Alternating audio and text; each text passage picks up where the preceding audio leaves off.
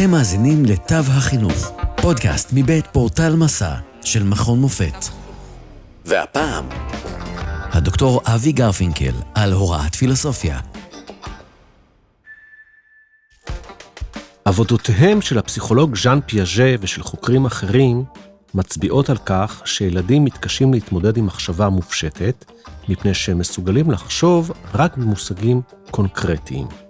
כתוצאה מכך, לימודי הפילוסופיה בבית הספר נתקלו באופן מסורתי בסקפטיות רבה.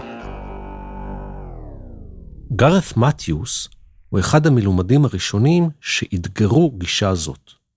בספרו The Philosophy of Childhood, הוא טוען כי ילדים הם פילוסופים טבעיים. מתיוס מביא דוגמאות רבות לכך, ופותח את ספרו באנקדוטה על בתו, שצפתה בו פולה את הקינים מהחתול שלהם, ושאלה אותו מהיכן הגיעו הקינים. כשהשיב לה שהקינים הגיעו כנראה מחתול אחר, שאלה אותו בתו בת הארבע מהיכן קיבל אותם החתול האחר, וכן הלאה. ולבסוף אמרה, כי זה לא יכול להימשך כך לנצח, הדבר היחיד שנמשך עד אינסוף הוא מספרים. זוהי גרסה למה שפילוסופים מכנים עילה ראשונה או הטיעון הקוסמולוגי. מאז ימי אריסטו התווכחו פילוסופים האם יש לקיום התחלה בזמן, או שמא הוא היה קיים מאז ומתמיד. בדרכם שלהם, ילדים מתנהגים באופן טבעי בצורה פילוסופית, בכך שהם שואלים שאלות ומנסים לחשוב על דברים בצורה הגיונית. יש נטייה לראות בפילוסופיה דבר שיש לעסוק בו לקראת סיומם של החיים, ולא בתחילתם, מפני שלילדים חסרים תכני ידע שניתן להתפלסף עליהם. ואולם, המתנגדים לגישה זו סבורים כי החקרנות הטבועה בילדים היא הבסיס לטיפוח אנשים חושבים, ביקורתיים ועצמאיים. פרופסור מת'יו ליפמן ועמיתיו ייסדו ב-1970 בארצות הברית את התוכנית פילוסופיה לילדים, Philosophy for Children, או בקיצור P4C. ליפמן ועמיתיו לא היו שבעי רצון ממצב החינוך בארצות הברית, בעיקר בגלל חסרונה של חשיבה ביקורתית בקרב הסטודנטים באוניברסיטאות. ליפמן התבסס על רעיון קהילת החקר שהגה הפילוסוף האמריקאי צ'ארלס סנדרס פירס.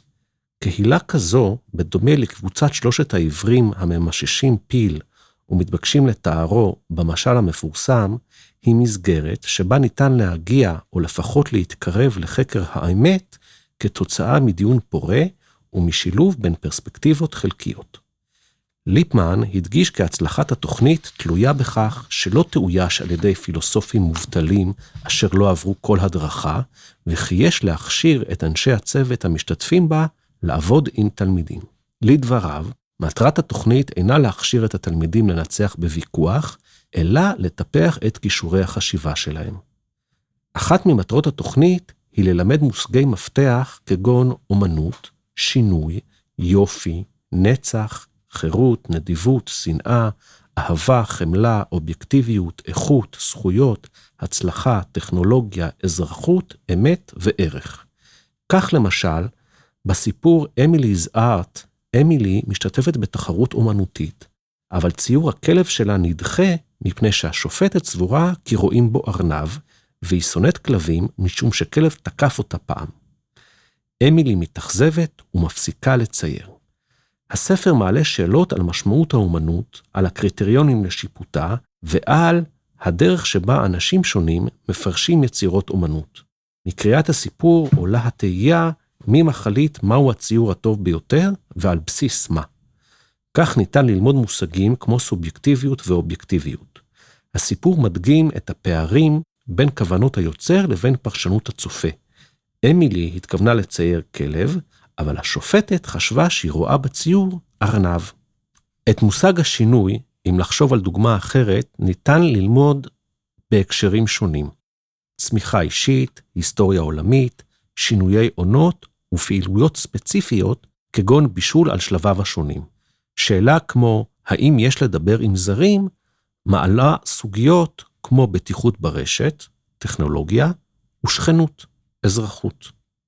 ברנדט ראסל ממליצה על עשר שאלות פילוסופיות שניתן להציג לילדים. כיצד עלינו להתייחס לבעלי חיים? מהי אהבה? האם כל הדברים קשורים זה בזה? האם אני יכול להחשיב את עצמי למאושר? האם אדיבות יכולה לשנות את העולם? מה בכלל כל כך נהדר בעולם?